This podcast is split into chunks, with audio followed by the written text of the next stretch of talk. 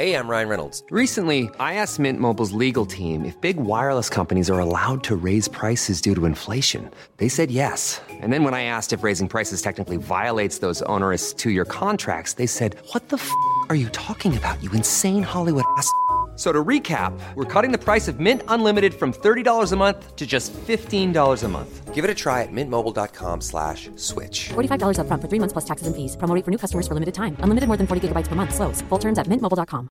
Hey, I'm Ryan Reynolds. Recently, I asked Mint Mobile's legal team if big wireless companies are allowed to raise prices due to inflation. They said yes. And then when I asked if raising prices technically violates those onerous two year contracts, they said, What the f are you talking about, you insane Hollywood ass?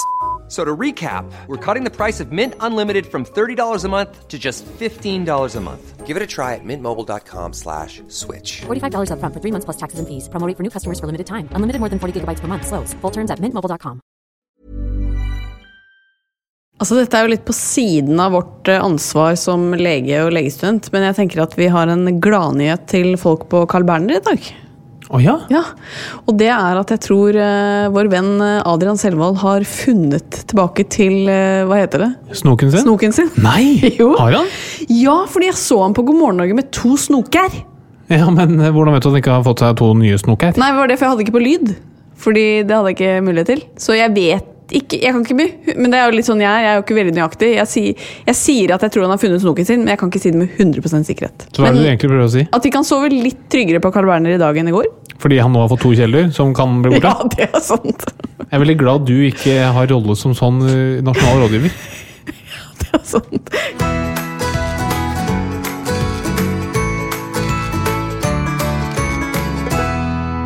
Hei alle sammen, og hjertelig velkommen til Åpen journal. Takk for det. Åssen har du det? Eh, vær så god. Ja. Takk for det, sier jeg når du sier takk for at Nei, når er det jeg skal si Jeg vet det? det, men nå, nå fulgte ikke du med på hva noe jeg sa. Nei. Du bare sa takk og vær så god, det som er. Så fint hvis du er litt mer til stede sånn i løpet av denne podkasten. Det skal være. Så bra. Fordi det skal selvfølgelig handle om en helseplage i denne episoden også. Eh, For så mange som én av fire har faktisk til enhver tid langvarige plager knyttet til muskel- og skjelettsystemet. Og dette er jo da en av de vanligste årsakene til uføretrygd og sykemelding. Men årsakene til vondter i disse områdene er jo selvfølgelig mange. Men i dagens episode så skal det snakke om hva som kan gi smerter i muskel- og skjelettsystemet vårt, og hvordan man kan behandle dette, og kanskje også bli kvitt de. Så spennende! Ja, har du vondt noe sted nå? Eh, bare i hodet mitt. Bellene. Inni hodet. Okay. Ikke bellene. Ikke bellene. Det er bra. Hvorfor har du vondt i hodet? Det er bare inni hjernen min. Hvorfor det? Fordi Nei, jeg har ikke vondt noe sted. Hvorfor har du vondt inni hjernen din? Du har mye å gjøre om dagen. Jeg jeg det. Ja, du er litt kokt. Prøv å, prøv å følge med på hva du sier. Og det er ikke alltid helt lett å henge med. Er det sant? Nei, det er ikke sant. Ok, men vi får se om dagens gjest henger med, og det er eh, ingen ringere enn hotellkonge Petter Stordalen. Det gleder jeg meg til. Det gjør jeg òg. Vi skal jo snakke litt om eh, uka som har vært, men jeg tenker at det er liksom vanskelig i en legepodkast å ikke nevne vaksineproblematikken om dagen. Ikke har vi bare for få vaksiner, men det er også spørsmål om eh, AstraZeneca-vaksinen kan gi økt sjanse for blodpropp. Eh, og dette er jo liksom ikke noe vi har endelig svar på mens vi i hvert fall spiller inn denne episoden. Men hva er din take on this, Harold Doblow? Nei, jeg tror det- man bare må huske på, er at når veldig veldig mange mennesker får en eh, vaksine Alle som får en vaksine, er under ekstra overvåkning. Det er eh, sånn det er lagt opp, og det er for trygghet for alle sammen. Og når du nøye overvåker så mange tusen, titalls tusen, hundre tusen, millioner mennesker, så vil du oppdage at folk er og blir syke. Og da vil du se at noen av de du overvåker, vil få blodpropp, uansett om de har fått vaksine eller ikke. Og så er heldigvis sikkerhetsnettet vårt lagt opp sånn at hvis du får noe som helst plager tett knyttet opp til en vaksinering, så er man nødt til å undersøke om det er en sammenheng. Og det er det man nå har gjort. Man har sett ok, her er det faktisk en del som har fått blodpropp i tett tidsmessig sammenheng med vaksinen. Vi er nødt til å se om det er en sammenheng. Så bare fordi folk får blodpropp i tett relasjon til vaksinen, trenger det ikke å bety at det er en sammenheng. Nei. Men noe du nevnte til meg ved frokosten i dag, var jo at det vil være ganske enkelt, vil jeg tro, og fra tid til annen vite om det ligger tre helsearbeidere inne på Riksen med blodpropp. Yes. Sa ikke du det? Jo da. Ja. Man ser hvor mange er det som får blodpropp i løpet av et år i Norge. Og så ser man er det nå flere. Ja. Eh? Av de mange som har fått AstraZeneca-vaksine i Norge, si det er 50 000, da. så forventer vi at av de så er det kanskje ti stykker som skal få blodpropp. Bare fordi Uansett. Uansett. Ja. Og da ser man er det nå økt blant de som har fått AstraZeneca-vaksinen eller ikke. Men nå er det litt spesielt, for nå, når, i hvert fall når podden spilles inn, så er det vel tre stykker, tre helsearbeidere som ligger på Rikshospitalet med alvorlig sykdom. Ja. Og det er klart at Hvis de ikke har gjort det før, hvis det de siste seks månedene ikke har vært noen unge mennesker med denne sykdommen, og nå er det plutselig tre stykker, så er det grunn til å tro at her må det være en eller annen sammenheng. Eh, og da blir det jo naturlig at man blir litt skeptisk. Hva vil du si til de som tar andre vaksiner om dagen? Ja, Det er kjempebra at man er skeptisk. Alle er skeptiske. Og når myndighetene er så skeptiske at de velger å stoppe hele vaksineringen De er også veldig skeptiske, som er helt riktig. Og så vil de komme med en eh, konklusjon, og den kan vi stole på. Ja, det er veldig bra. Det er som jeg har sagt før, det er veldig slitsomt å ikke stole på folk. For da, hvis du ikke stoler på legen din og ikke myndighetene, da må du ikke stole på bussjåføren og ikke piloten og ikke de som har laget middagen din. Mannen din. Mannen din, kona di. Og det er veldig slitsomt. Så jeg Ja. tror man nesten må bestemme seg. Stoler jeg på norske helsemyndigheter? Ja eller nei? Godt sagt. Um, vi har jo begynt med et aldri så lite prosjekt, eh, vi. Ja, Ja, Vi har begynt med et lite treningsprosjekt. har vi det? Ja, det har vi. Spennende. Eh, og det er jo stor stas. Jeg har jo blitt eh, ambassadør for eh, Johaug, til og med. Så jeg er veldig i vinden om dagen når det kommer, på, kommer til trening. Um, men eh, når, jeg, når man har blitt sånn ambassadør, så handler det om å være litt i form òg, føler jeg. litt press på. Så du og jeg, vi har begynt De har ikke vært så opptatt av det, Johaug. Feske. Vi har begynt en aldri så liten løpekonkurranse. Det har vi. Eller det vil si, vi skulle ut og løpe en tur. Vi fikk barnefri her og skulle ut og løpe en tur. Og jeg tenkte nå tar vi en rolig tur hvor du og jeg kan prate litt og kose oss. Det ble jo ikke slik. Nei, det var ikke jeg som begynte å løpe fra, men det, det, vi har en sånn mental innstilling overfor hverandre som gjør at man alltid skal dra på litt. Grann. Ja, eh, Og det er rett og slett psykisk terror å, å løpe ved siden av hverandre. Fordi du prøver hele tiden å psyke ut meg ved å spørre liksom om det går litt, eh, går litt for fort. Skal vi løpe litt saktere? Eh, og hvis jeg sier sånn nei, nei, dette er fint, så løper du litt altså, Og det også, du ligger alltid kanskje én meter foran meg, bare for å liksom hele tiden vise at du er litt raskere. Um, og det som var veldig kjipt med den runden vi løp eh, sammen, var jo at du hadde løpt den før, og ikke jeg. Det er en fordel for deg. Absolutt. Og så fikk jeg noe glipptak, for det Ja. var litt glatt. Og da så du ditt snitt å løpe fra meg. Mhm. Og da følte jeg meg som de i liksom, ski-VM som på en måte får en Taper. sånn eh, ja. Nei, men det som var i en sånn oppoverbakke bak Klæbo, og han rykker idet du får en sånn eh, Ja. ja. Det, det var et taktisk godt løp av meg. Det var et taktisk godt løp, øh, men det har jo da gjort at motivasjonen min er bedre enn noen gang. For jeg skal nå øh, løpe deg i senk, jeg. Jøss. Nei, men som dere skjønner, eh, det er liksom eh, trening er ikke, er ikke for gøy i den familien her. Her skal det trenes for å vinne. Ja. Eh, og hvem av Hvordan går det? Nei, det får vi jo se, da. Nei, det er det som... til, til nå? Å ja, nei, til nå så går det dårlig, men Ja. eh, har du hatt en melon inni magen din, født den ut gjennom tissen og prøvd å komme i form igjen? Har du hatt en melon i magen? Hvorfor sa melon? Jeg kunne bare sagt baby. Jeg har i hvert fall eh, gjennomgått et svangerskap, fødsel og div med det. Så jeg skal tilbake i form, men det er ikke unaturlig at jeg er i litt dårligere form akkurat nå. Men eh, apropos trening, så er det jo fint at du driver med det, fordi vi må jo ha en liten status på hvordan det går med Nikersen. Ja. Vi hører hvordan det går i spalten Harald, Hva heter spalten? Når passer Nikersen? Ja, er det det den heter? Vi husker jo aldri hva disse spaltene heter, men la oss si det. Vi kjører spalte. Da er vi veldig klare på Harald i Nikkersen. Hva ler dere? Du ser ikke ut. jo, det gjør Nei, den er altfor liten. Nei, Jo, er du gæren? mener du det? Altså, du kan eh, Ja, jeg skal ikke si hva jeg kan telle gjennom den nikkersen, altså. Men uh, vi får høre med eksperten. Nei, men jeg bare Er, den trang? Føl, føles den trang? Den føles ørlite grann trang. Ja. Jeg tror nok jeg hadde jeg, jeg vet ikke, Den kommer til å vise seg ut. Det gjør den. Det kan være litt ubehagelig. Når du skal, man skal jo tross alt gå på ski eller være litt i, aktiv, i fysisk aktivitet. Det som nå uh, skal skje, er at dere på en skala fra 1 til 10 skal si hvor komfortabelt det er å se på Harald i nikkersen. Vi begynner med mamma. Nei, jeg syns det er vanskelig. altså. Fem-seks. Ikke dårlig? Det er jo ikke rart hun sier 5-6, for hun kjenner jo ikke trykket der jeg ville kjent det. Og jeg får jo vondt bare Jeg orker ikke se på engang. jeg, Altså. Nei, det det er en krystallklar ener. Og da er jo spørsmålet, Harald, eh, hva vil du selv eh, si? Nei, jeg tror, jeg tror det er som sist. eh, Seks av ti. Seks av ti. Eh, og da trenger vi kanskje ikke å spørre, men vi gjør det likevel. Eh, syns dere Harald skal ha nikkersen i L, eller gå opp til en større størrelse? Ja, han må ikke gå opp i én størrelse, han må gå opp to størrelser. Fra L, hoppe over XL og lande på XXL. Nei, jeg må gå opp i én størrelse. Ja, den vier jeg seg ut. Det. Ja, den, den gjør det, men Det gjør vel han òg. Klar tale. Ja, det var jo eh, jeg vil si brutalt ærlig fra svigerfar her. Ja, Det er De Der, der må ha gjort et eller annet gærent. Ja, Han syntes det var vondt å se på, liksom.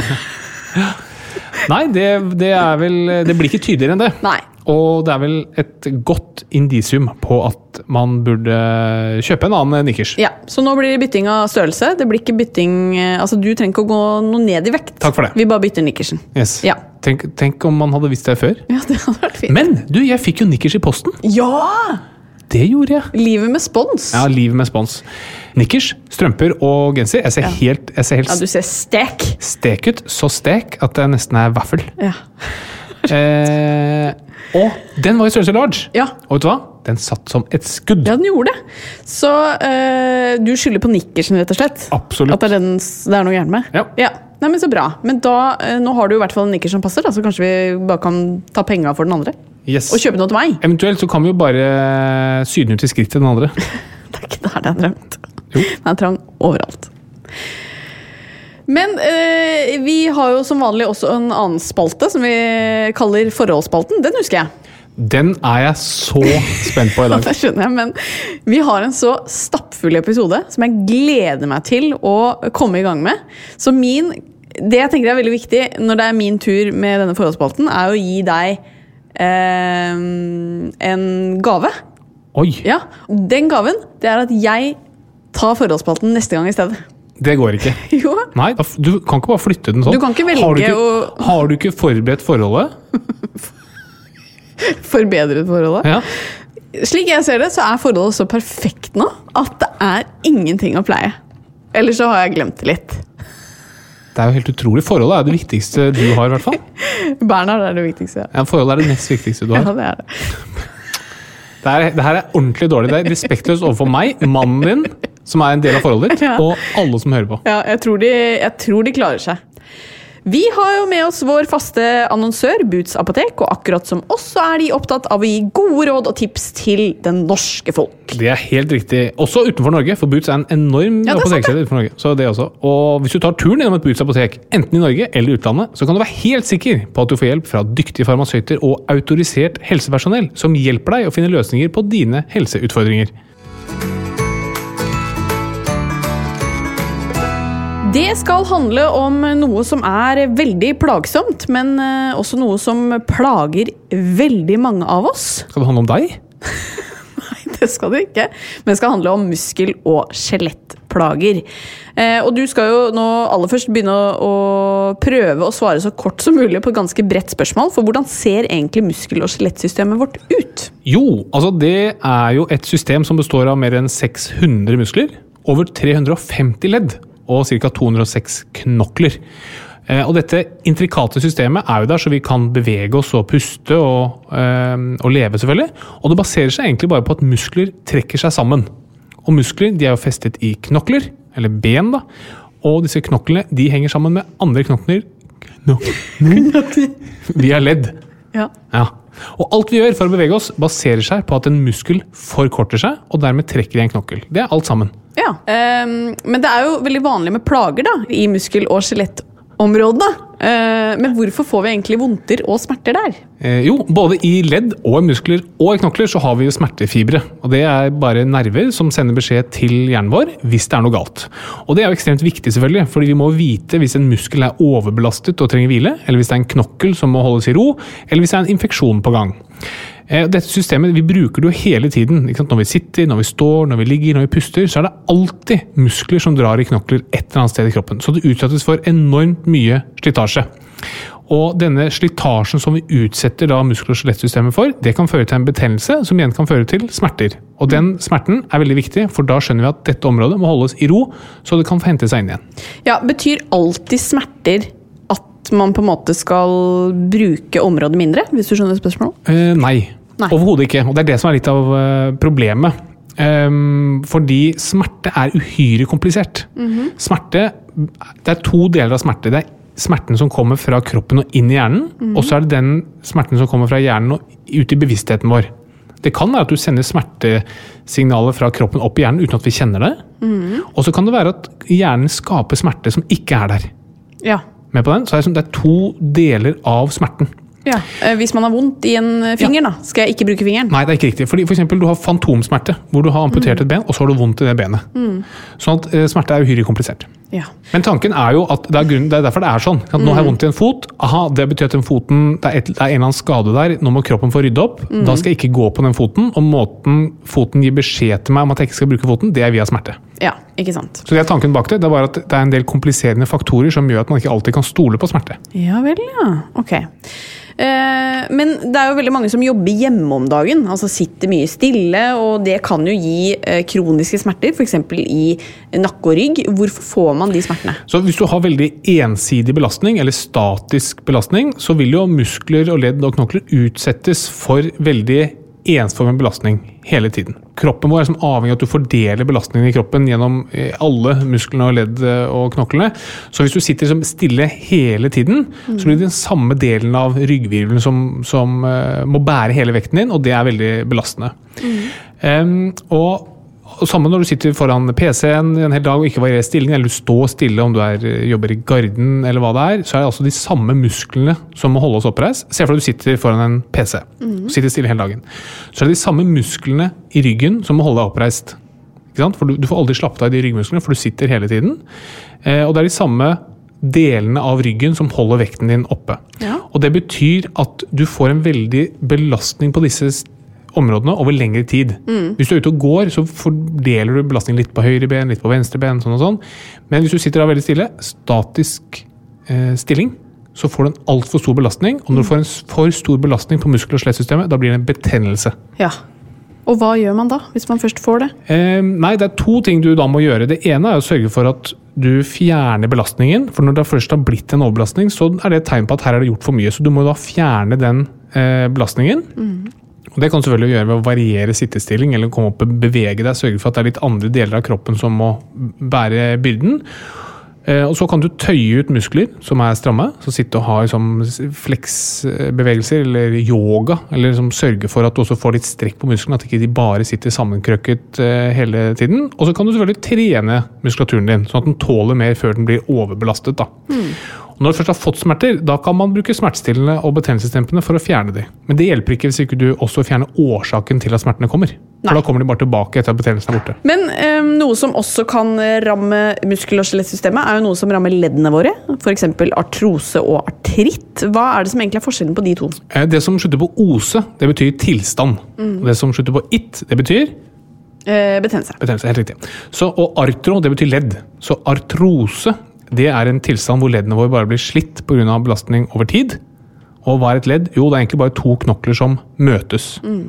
Og ytterst på disse knoklene så har vi brusk. Og brusk det er en form for mykt skjelett. Og det er der sånn at disse knoklene kan gli mot hverandre. Det gjør at det er veldig lite friksjon. da. Men denne brusken den blir etter hvert slitt vekk. F.eks. fordi vi er gamle og har brukt leddene mye. Det er en grunn til at du får artroser, at brusken blir borte. Det andre er hvis du har ujevn slitasje på et ledd. Hvis du for er veldig hjulbeint eller kalvbeint, da, da får du en ujevn slitasje i kneleddet som gjør at en liten del av leddet må bære veldig mye av belastningen. Da slites det raskere vekk. Eller det kan være at vi er utrustet med gener som gjør at, har, eh, at den brusken er litt skjør. Sånn at den forsvinner tidligere enn hos andre, og da får du veldig tidlig artrose. Mens artritt vi var enige om at ikke har betennelse, det er en betennelse i leddet. Da er det et eller annet som skjer som gjør at immunforsvaret skaper en betennelse inni leddet. Og Det vanligste det er revmatoid artritt, eller det som ofte bare kalles leddgikt. Det som skjer da, det er at immunforsvaret går til angrep på selve leddet. Sånn at leddet vårt blir rødt og varmt og hovent og vondt fordi immunforsvaret har gått til angrep. Og Når vi først snakker om artritt, så må vi også snakke om det som heter bakteriell artritt. og Da har det faktisk kommet bakterier inn i leddet, og så skaper immunforsvaret en betennelse for å bli kvitt bakteriene. Ja. Men hvorfor får man smerter i leddene ved både artrose og artritt? I leddene så har vi masse nerver. Og de, noen nerver er der for å fortelle hvor leddet er. For eksempel så kan du lukke øynene og så kan du kjenne hvordan vinkelen i albuen er. Og Det er fordi vi har nerver som forteller at nå er eh, leddet så og så mye åpent eller så og så mye lukket. Men noen av nervene de er der også for å fortelle om smerter. Så har du tilstander som skader leddene våre, så vil disse nervene begynne å sende beskjed til hjernen om at det er noe gærent, og det kjenner vi som smerte. Ja. Så den smerten er på en måte fin at vi har. Ja, altså Funksjonen er veldig fin at man har. Man, Ja. Det ser man på folk som er født uten smerte. De får artrose ekstremt tidlig, i knærne f.eks. For Ja. Fordi hvis du får et menneske til å stå rett opp ned, og ber det stå helt stille i flere timer, så ser du at de, kommer, de flytter vekten litt fra høyre ben til venstre ben. De, bøyer, de flytter seg ut fordi de får input fra disse smertefibrene. Kneet sier at nå er kneet litt sliten, kan du putte litt mer vekt på det andre? Men hvis du ikke har de nervene der, så kjenner du ikke det. Sånn at du bare du ødelegger leddene fordi du ikke endrer belastningen. Men man skulle jo tenke seg at hvis man har eh, artrose eller slitasjegikt, at man på en måte ikke skal belaste eh, f.eks. kne. da. Men trening er jo en veldig viktig del av behandlingen. Yes, det er helt riktig. Så Ved artrose, altså denne slitasjegikten hvor du har slitt ned brusk, så vil trening være en veldig viktig del av den. Og Det har også å gjøre med at du styrker muskulaturen som er rundt leddet, sånn at du kan få en sunnere vektfordeling i leddet. Og faktisk kan man bli helt bra av artrose bare ved fysisk trening. Ja, Så da er fysioterapi genialt. Yes. Ja. Artritt, da, hvordan behandler man det? Artritt, da var problemet en betennelse i leddet, så da må du gi medikamenter som demper immunforsvaret. Bortsett fra hvis det er bakteriell artritt, hvis det er bakterier, da må du ikke dempe immunforsvaret, da må du få bort bakteriene. Og da opererer vi og skyller ut eh, alle bakteriene i leddet, og så gir vi antibiotika for å drepe bakteriene. Gir man ikke en form for cellegift når det kommer til artritt? Jo, det kan du gjøre. Eh, og det er jo for eksempel Metotreksat er jo en form for cellegift som er en eh, Man kaller det jo ikke cellegift, men det virker litt på samme måte. altså Du demper rett og slett immunforsvaret. Ok, men eh, Muskel- og skjelettplager det er jo en viktig årsak til sykemeldinger. Um, men ulike mennesker kan jo ha samme diagnose, hvor noen sykemeldes, mens andre er i full jobb. Hvordan kan man liksom lære seg å leve med smerter? Så smerter, er, vi burde hatt et eget, eh, et eget tema om det, for smerte er igjen så komplisert. Og vi må alltid tenke på smerte som et resultat av to ting. Signalene som kommer inn i hjernen, som vi har snakket om, altså disse signalene som kommer fra nerver, og så prosessene i hjernen, hvordan hjernen tolker disse smertesignalene. Og det vi vet er at det vi tenker om smerter, det har utrolig mye å si. For eksempel så vil pasienter med angst eller depresjon eller så mye katastrofetanker mye lettere få kroniske smerter enn andre. Det samme gjelder hvis du er ensom, eller hvis du generelt føler deg utrygg, eller hvis du har dårlig råd til og med, er også sjansen høyere for at du får kroniske smerter. Og disse faktorene spiller jo ikke inn på nervesignalene inn i hjernen. De er det samme signalene du får fra et vondt kne, er det samme uansett eh, hvor trygg eller utrygg du føler deg, men hvordan hjernen tolker disse smertene, har veldig, veldig mye å si. Eh, og det er faktisk sånn at hvis du er utrygg på hva smerte skyldes, hvis du f.eks. har vondt i magen over lang tid og ingen finner ut av det, og ingen lege som tar deg på alvor, så vil det føre til at smertene blir sterkere. For hjernen vår er laget sånn at den er jo selvfølgelig opptatt av å finne ut hva som er problemet, og hvis den ikke får et svar på hva problemet er, så vil den se etter andre årsaker, eller vil forsterke signalene i håp om at du da skal klare å skjønne hva problemet er. Og dette skjer via helt konkrete fysiske prosesser, hvor hjernen skiller ut egne smertedempende stoffer, eller skiller ut stoffer som forsterker smertene. Så en person som er trygg, lite nevrotisk og som har et stabilt liv, vil mye lettere tåle smerte eh, enn folk som har det motsatte. Og kronisk smerte er jo, altså Akutt smerte er veldig lett. Du får et kutt i hånda, det er vondt, ferdig. Men når dette går over i kroniske smerter, og da er det mer typisk nakke, rygg, skulder, albue Disse smertene her, da vil disse mekanismene spille veldig inn. Er du trygg, får du en god forklaring på hva det er. Går du rundt og er redd for at det er tegn på noe farlig, eller er du trygg og blir imøtesett av en lege som forteller at du, dette skyldes en sånn og sånn, dette er en sånn, denne går over av seg selv, trenger ikke være bekymret for. Hvis du da tror på det, senker skuldrene, så vil smerten i mye større grad forsvinne. Ja. Og bare det å bli tatt på alvor sikkert er jo en veldig viktig del av det å eh, leve med smerter. Ja, og det, dette har jo, Nå har det jo vært mye siste om endometriose, f.eks. Folk som går med kjempevondt rundt menstruasjon og vondt i magen og aldri blir tatt på alvor. Det vil gjerne forsterke smertene. Hvis du går rundt og tenker jeg vet at det er noe galt med meg, men ingen tror på meg, det vil typisk få hjernen til å forsterke smertene. Ja. Ok. Dette er jo veldig komplekst, eh, men det er jo også sånn at eh, muskel- og skjelettplager er jo vanligere hos eh, kvinner enn hos menn. Hvorfor er det sånn? Det er også veldig veldig vanskelig, og det finnes ikke noe godt entydig svar på det. Eh, Noen kan jo si at kvinner har mer krevende jobber enn menn, hvor det er mer slitasje på muskel og skjelett. Det kan være hormonelle forandringer, det kan være forskjell på hvordan man prosesserer smerte i hjernen sin. Så Kvinner er jo utstyrt fra naturens side med en eh, kropp som vi menneskeheten er avhengig av. De må kunne få barn. Og det, det krever ganske mye. Det er ganske mye skal jeg ordlegge meg riktig, men, men det, det byr for en del utfordringer for kvinner å ha det sånn. Og Ja, det kan man tenke seg at, at påvirket dette her. Ja, fordi det er jo øh, sånn Man er jo benbygd forskjellig. Eh, man har jo en livmor som ikke dere menn har. Eh, det er jo mye som kan gi smerter som ikke dere menn har. Altså Yes. Dere har jo benbygging, men osteoporose for eksempel, er jo mye vanligere hos kvinner enn hos menn. absolutt. Og bare dette med menstruasjon og hormonsykluser og endometriose som vi har snakket om, det er, eh, det er ting som påvirker, altså som gjør at det er mye større påvirkning på kvinnekroppen enn hos en herrekropp. Som er liksom litt jevnere gjennom hele livet, da, for å si det enkelt. Men det er liten tvil om at vi kunne snakket lenge om smerte. Kanskje det blir en egen episode, hvem vet? Ja, Det blir det garantert, Eh, for blir det, ja. smerte er kjempe... Men jeg tror det, det, det å forstå det, hvor mye mentale prosesser har å si for smerte, Mm. det er veldig viktig. fordi det betyr at hvis man har kroniske smerter som ikke blir tatt på alvor, eller ikke man føler man får en fullgod forklaring på, så vil det bidra til å opprettholde og forsterke smertene. Og da vil jeg si at Hvis du opplever sånne ting, finn deg en lege eller en behandler som tar deg på alvor, som gjør at dere finner ut av det sammen, og at dere blir enige om en forklaringsmodell som er grei for alle parter.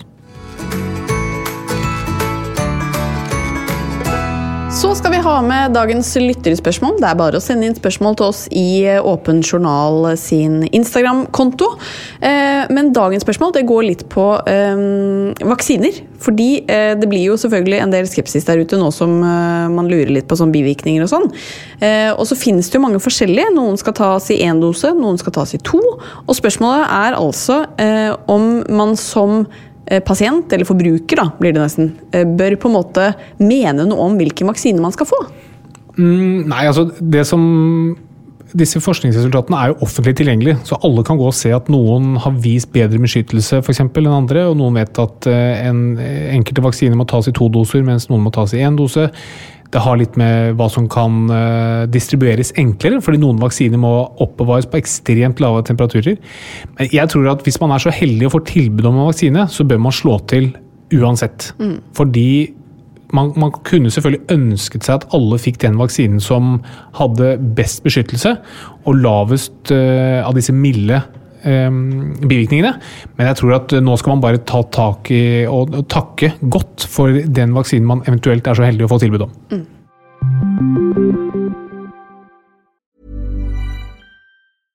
Hey, I'm Ryan Reynolds. At Mint Mobile, we like to do the opposite of what Big Wireless does. They charge you a lot, we charge you a little. So naturally, when they announced they'd be raising their prices due to inflation, we decided to deflate our prices due to not hating you. That's right. We're cutting the price of Mint Unlimited from $30 a month to just $15 a month. Give it a try at mintmobile.com slash switch. $45 upfront for three months plus taxes and fees. Promo rate for new customers for limited time. Unlimited more than 40 gigabytes per month. Slows. Full terms at mintmobile.com. Hey, I'm Ryan Reynolds. Recently, I asked Mint Mobile's legal team if big wireless companies are allowed to raise prices due to inflation. They said yes. And then when I asked if raising prices technically violates those onerous two year contracts, they said, What the f are you talking about, you insane Hollywood ass? So to recap, we're cutting the price of Mint Unlimited from $30 a month to just $15 a month. Give it a try at mintmobile.com slash switch. $45 upfront for three months plus taxes and fees. Promo rate for new customers for limited time. Unlimited more than 40 gigabytes per month. Slows. Full terms at mintmobile.com.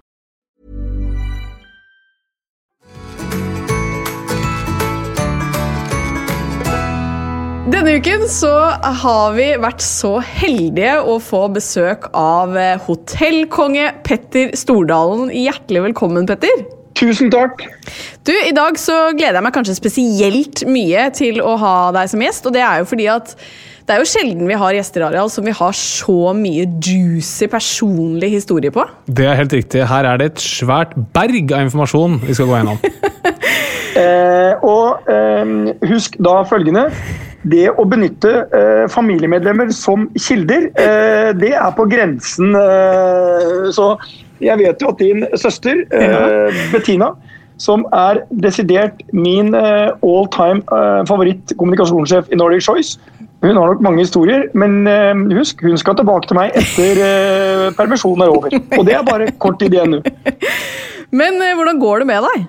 Nei, personlig så, så er det bra.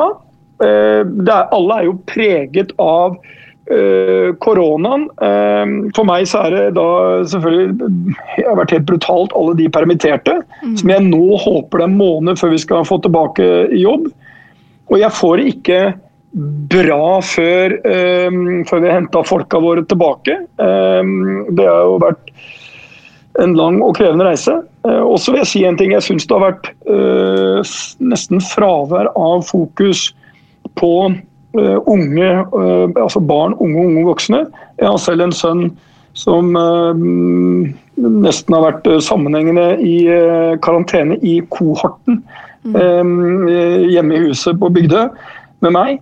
Og det er klart, eh, når vi skal summere opp eh, denne pandemien, så, så, må, så er det også et regnestykke som skal gjøres på de sosiale kostnadene eh, for barn som har kanskje hatt det krevende fra før, og som de tar fra arenaen de kan få litt pustepause i.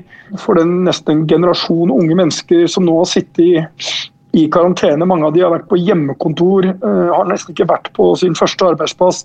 Altså, eh, det, har enorme kostnader som vi kanskje ikke ser akkurat nå. Altså Det å være alene, eh, og de som er alene, de, de syns jeg mest synd på.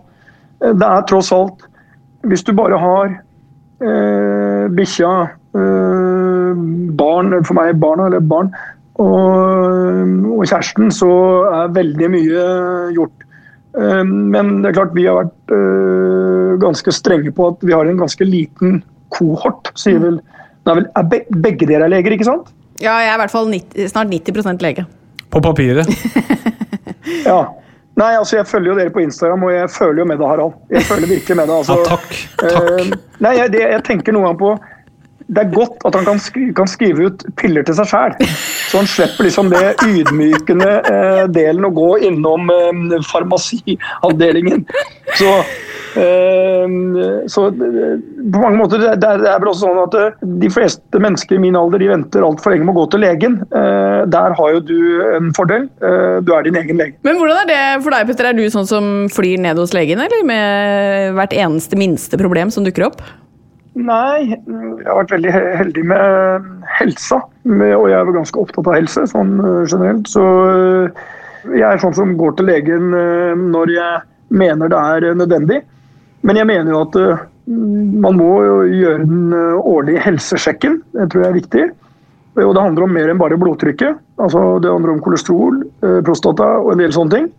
Eh, Og vi vet jo i dag, med to leger da på luren her sånn, så vet man jo at oppdager man mm, øh, ting tidlig, så er det veldig gode prognoser i dag. Prostata er et godt eksempel. Um, Så jeg har gjort jeg gjør en årlig helsesjekk.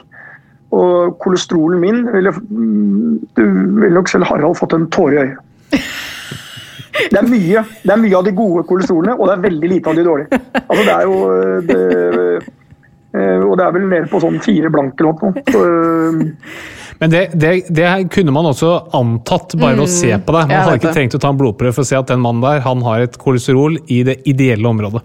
Ja, nei, og det er, kolesterol er jo sånn Det er jo øh, et faktum i dag at øh, jeg tror vi må det er klart Psykisk helse under koronaen er viktig, og det er kanskje det mest sentrale, men vi skal også tenke på fra et litt større perspektiv øh, viktigheten av øh, fysisk aktivitet. Og Det bør ikke være sånn, liksom, sånn jeg holder på, men, men man bør liksom bevege seg litt. Det er bra for helsa. Kanskje beste legen du kan ha. Er eh, de 25-30 minuttene du passer på at du får hver dag med hvor blodpumpa slår litt fortere enn når du ligger i senga, Harald, litt neddopet av de siste medisinene som er på markedet. Det er riktig. Når de, eh, på, på slutten av halen av de, og før vi tar neste dose, så er det greit å få beveget seg litt. Og da er det jo mange måter man kan få blodpumpa i gang på. I vårt hus så velger vi kun å løpe utendørs. Å ja, vet du hva jeg trodde du skulle si nå? Så velger vi kun sex. Det, det ville vært den andre ekstreme. Vi har akkurat fått barn, vet du, så det, det, Det eksisterer ikke, det der. ja, ja. Men, eh, men det spiller ikke så mye rolle hva man gjør, bare eh, blodpumpa begynner å slå. Mm, hva gjør Ja. du mest, da? Nei, jeg, det er sånn jeg, jeg forsøker jo Eller basically hver eneste morgen så løper jeg en liten tur. Men det holder for meg. Det, altså, det må jeg ha. Uh, og det er vel så mye for, den, for huet som det er for kroppen. Men uh, jeg må ha det. Jeg blir dårlig humør hvis ikke jeg får det. Uh, og det er en fin måte for meg å starte dagen på. Nå har jeg hatt litt sånn problemer med mm, For jeg ble litt overivrig her, så jeg har litt problemer med legga. Og da er jeg inne og løper på mølle, men jeg, jeg gjør den øvelsen. Og så når man blir litt eh, Når åra går, så må du passe på å trene litt styrke for å opprettholde muskelmassen. Eh, og- det er jo ikke så festlig, men det må gjøres.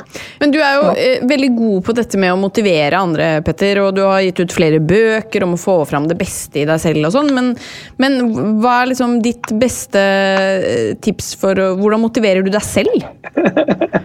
Det vet nå, nå, nå får dere verdens mest banale svar. Altså, ja, det er, og det handler om hva finner du glede i. Og det er, eh, det er jo nesten eh, altså, Jeg finner enormt inspirasjon og glede når kidsa, barna, er eh, hjemme. Eh, vi har eh, sushi, åpner en flaske vin, jeg tar en kald øl. Rett fra boksen. Eh, Det er god musikk. Det er, det er litt eh, stemning. Og så, eh, fordi de eh, skal jo stå opp litt tidlig, så går de tidlig hjem. Da Så da kan jeg sette på, kanskje sammen med Märtha, en Netflix-film. Og da, eller en av mine favoritter, Ullared. Um, altså eh, eh, liksom To glass vin, en øl, Ullared altså, sammen En annen ting som gir meg enorm glede, det er Jeg får jo enorm glede av å gå inn i, Vi har noen oransje dører på hovedkontoret. Og det interessante som eh, kanskje eh, som koronaen har lært meg, det er hva jeg egentlig setter pris på. Altså hva er det du egentlig liker? Hva er det som fyller av med glede, hva er det som fyller av med mening og gir livet ditt innhold? Og jeg endte med at det jeg savna aller mest, det var å komme inn og se de oransje dørene åpne seg, og komme inn på hovedkontoret. Og jeg bestemte meg bare tidlig for at vi lager en egen kohort, noen få av oss, og så er vi være strenge, men vi må møtes. Hele liksom, ideen om kulturen vår, at den fortsatt levde uansett hvor få vi var, altså det, det har betydd alt. Og et eksempel er når det var på det aller jævligste, så kom jeg inn døra, og da spiller Vibeke, som står i resepsjonen, hun spiller den der låten som var på Titanic når rett før båten gikk ned. Det der siste den der fiolinbandet spilte. Og jeg bare elsket det. Altså, det alt, altså, og Vi skal ikke glemme hvor viktig det er å motivere hverandre og, og finne inspirasjon og glede. Um, og Jeg skjønte hvor mye det betydde for meg. Det å ha noe å gå til, det å ha noen kollegaer, det å møte rent fysisk. Og jeg tror det kommer til å komme som, sånn, som det var liksom som det glade 20-tallet. Liksom. Når dette åpner, så, kommer, så er det så mye innestengt Ja, ja. som skal ut. Og da kommer folk Altså, jeg, det var, det altså, jeg tror folk kommer til å For, det, for nå det er liksom Plutselig var det noen som tok bort noe du, du aldri har tenkt over at det er viktig i livet ditt. Det er sånn, og jeg sa en gang, det er som luft. Du tenker ikke på det før noen plutselig tar det bort. Oi! Og sånn er det det å gå ut og møte venner og klemme og gjøre alle de tingene. Altså, jeg savner det som fase. Jeg savner det enormt. Jeg er helt enig. og det jeg tenkte på, kunne vi, kunne vi kunne fått myndighetene til å si en dag, sånn som Boris Johnson har gjort, og så si at, at alle liksom holder seg skikkelig i skinnet fram til den dagen, og da bare gir vi maksimal gass. Da er det ut i gatene. Vinmonopolet har salg. Vi bare gir Altså, alt innestengt fest skal ut! Harald, det er sånn at de skulle sagt Vi ber alle planlegge for nå at den dagen, 17. juni, da skal alle ut. Sola skinner, Og vi skal gi bånn gass. Vi skal lage et nytt karneval. Det skal være Mardi Gras, pride, 17. mai, julaften på én gang. Yes. Og vi skal ut om det snør sidelengs i Tromsø. Vi skal ut, vi går ut uansett. Om det er sånn, vi, og da skal vi endelig liksom feire at vi igjen kan gi hverandre en klem. Ja. Ja, nei, men jeg tror vi, hvis, eh, jeg regner med at både Erna og Bent hører på podden, og da, Ja, da kan vi ikke bare Det er bedre å liksom én uke for, vente for lenge, bare så alt er helt nede, og så gir man maksimal gass. Jeg syns 17. juni er en fin tid. Vi finner på noe sprell, hvordan Vinmonopolet gjør det, hva vi gjør med, med kranene, ølkranene, og så bare gir vi helt totalt gass. Vi, vi mister den. Hele Norge mister den. Det skal hete 'Hele Norge mister det'. Ja, altså, Harald, til å være lege det der tror jeg er den viktigste resepten du noensinne har skrevet ut. Og Og, skal- du, den, er, den, og, den, og den, var, den kom fra hjertet. Men um, vi skal veldig snart gå til uh, dagens quiz, Petter. Men før det så har jeg bare lyst til å høre fra deg til våre lyttere. Fordi vi pleier å liksom få de til å um, dele liksom sitt beste tips for å ta vare på helsa si. Og det kan jo både være den fysiske og den psykiske helsa nå i, i korona. Men hva er det tipset? Ja, igjen, fysisk og mental helse henger veldig sammen. I tillegg så tror jeg eh, du må bruke eh, Jeg tror du kan ta utgangspunkt i mor Teresa. Eh, hvordan hun valgte noviser. Man skal huske på at Mor Teresa, nobelprisvinneren, hun jobbet i slummen i Calcutta. Men hun sa en gang tre ting som jeg lærte mye av. Og det var hvordan hun valgte ut noviser. Hun sa de må sove godt, spise godt og le godt. De må uh, sove godt, fordi da er de mest sannsynlig uten uh, alvorlige synder. Uh, og så de må spise godt, for da er de normalt sunne og friske. Og så og de må le godt, for det er den viktigste egenskapen for å ta deg gjennom det som er ofte en megende krevende arbeidssituasjon i slummen i Calcutta. Så fysisk og mental helse, det var det hun snakket om, det henger nøye sammen. Eh, søvn er viktig, kosthold er viktig, og så du legger til at venner, familie, er enormt viktig. Du trenger ikke så mange, men du trenger noen. Fordi det å ha noen å dele problemene med, da blir de ofte mindre. Det å ha noen å dele med, det å ha noen å snakke med, det er enormt viktig. Og dere har en liten kid dere også, Bernhard. Ja! Bernhard. Bernhard. Hvem var det som, hvem var som fant på navnet? Du, det var faktisk jeg! Ja, det var ingen overraskelse. Harald, hva var på lista di? Nei, det var eh, Hva fikk jeg lov å bestemme, da? Det er, det er ikke mye Å ja, sånn navnemessig, ja. Ja. Nei, jeg ville jo kalt han eh, Petter, jeg da, selvfølgelig. Veldig godt valg. Takk. Altså, ja, jeg holdt på å bli døpt Hjalmar.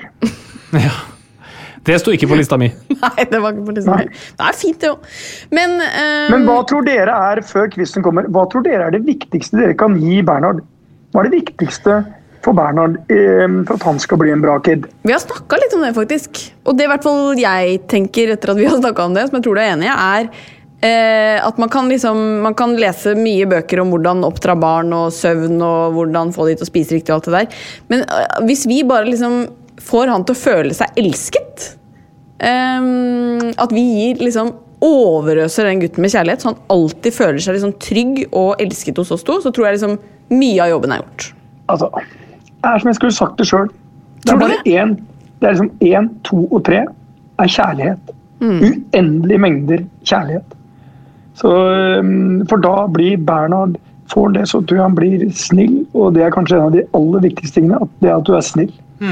Ja, hva er ditt beste tips til han, da? Er det det er uendelig med kjærlighet. å og se at øh, Jeg tror liksom kjærlighet gir trygghet. Trygghet gir at du får et barn som får liksom rom til å velge den veien han vil gå. Ikke noe som er valgt av Harald eller Katarina. Ikke noe som er valgt av øhm, foreldrene deres eller læreren eller andre. Han velger sin egen vei. Eh, Da tror jeg Bernhard blir eh, mest lykkelig. Uansett uh, om han ikke blir lege. For det er lett med to leger. At de prøver å dytte sønnen inn på uh, doktorskolen. um, For det er så fantastisk. Uh, Så tenker han nei, det jeg drømmer om, det er faktisk å bli kunstner eller um, Og så må han slippe å spille det derre Shuffleboard? shuffleboard. Eh, For det er klart, for en stakkars gutt så er det kanskje noe av det Det er kanskje mer en straff enn et spill.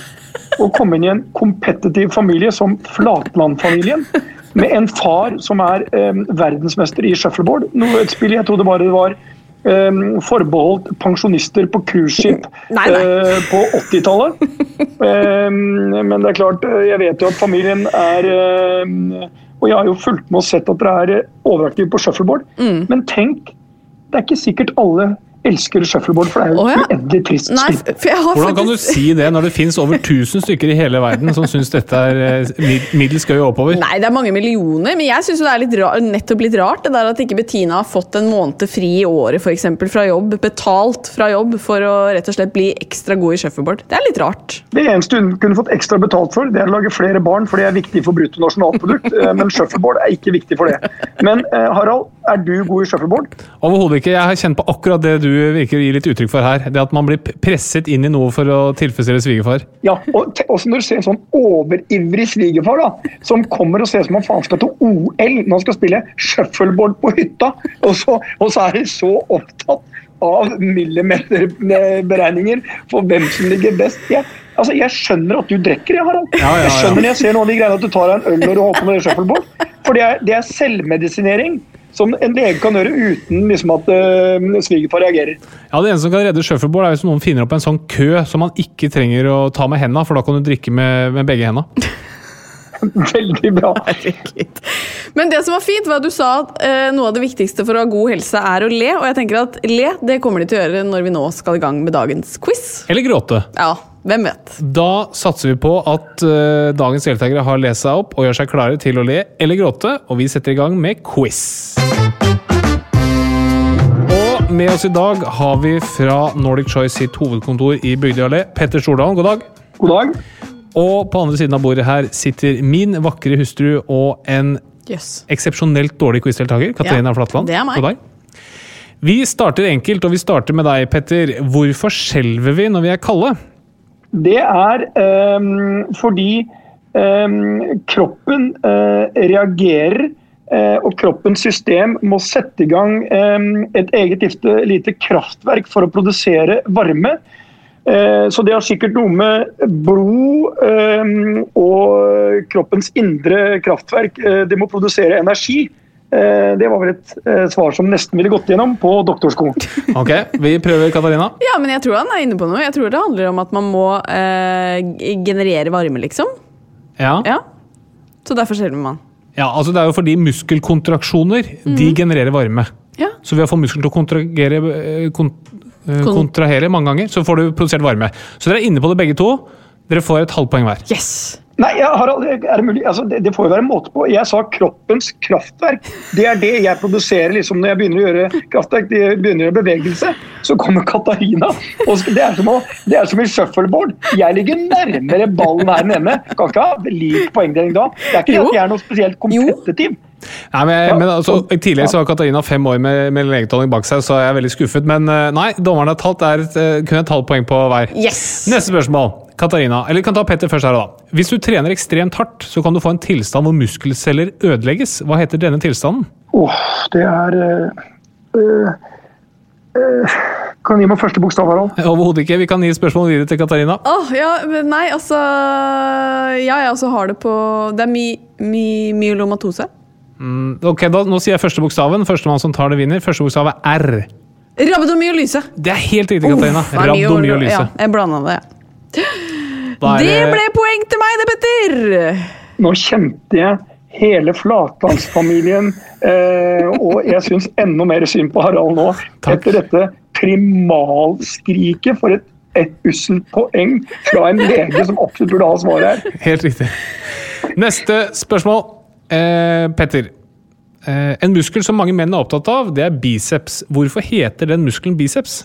Det, ja, den heter biceps fordi eh, når eh, de lagde dette eh, skjelettet første gangen, så bestemte de seg for triceps, og bi til tri er, eh, ble bi. Jeg, jeg liker forklaringsmodellen her. Det er dessverre ikke helt riktig. Katarina? Det er fordi den har to hoder. Yes, det er helt riktig. Bi. To, tri, tre. Så biceps to hoder, triceps tre hoder. Jeg slår jo Petter i en treningsquiz så langt. i Dette er, hvert fall. med, dette er medisinsk quiz. Ja. Det jo, altså, du føyer bare inn i rekken i alle de som slår meg. Katarina. Den danske samfunnskritikeren Balle Rævhode ble født uten et eneste ben i kroppen. Men hvorfor ble han diagnostisert med depresjon allerede som femåring? Nei, dette er noe sånn ordspill. Balle, rævhode, depresjon Nei, aner ikke. Petter? Eh, nei, eh, det er jo verken ben i baller eller i rævhodet. Han ble deprimert fordi eh, ikke var han bare uten ben. ehm, ehm, men han hadde også et eh, navn hvor ikke det var eh, noe ben i. Han hadde ikke ledd. Ja. Skjønte du den? Faen. Ja, det er ikke greit. Men nå er det siste spørsmål. Her var mulighet til å gå av med seieren. Og Ja. dette her vet du Oi. kanskje, Petter, for du har veldig mange ansatte, og sannsynligvis et, et, et visst antall ansatte som er sykemeldte. Og spørsmålet er som følger. Pasienter som er sykemeldte pga. muskel- og skjelettlidelser, de bes holde seg unna én bestemt matrett. Hvilken matrett er det? Dette er et ordspill. eh, tu- Tullespørsmål. Det er ikke sikkert. Um, nei, jeg har ikke noe godt svar. Katarina? Spagatti. Nei, de bør holde seg unna smertestuing.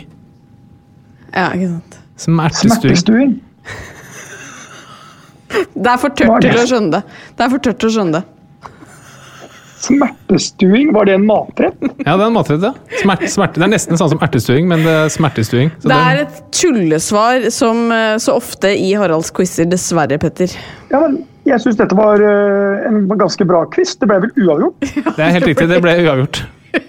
Ja, og eh, bare for meg å, gi i en sånn legequiz å komme likt ut eh, med en som har eh, åpenbart kommet gjennom doktorskolen på en fornuftig måte, det er jeg fornøyd med. Tusen Det, er- det er helt enig. Du har all grunn til å være veldig fornøyd med det, Petter. Og du, Og Katarina, har all grunn til å skamme deg. vet du hva det viktigste med dette er? Ingenting er bedre når man går ut av en konkurranse med to vinnere.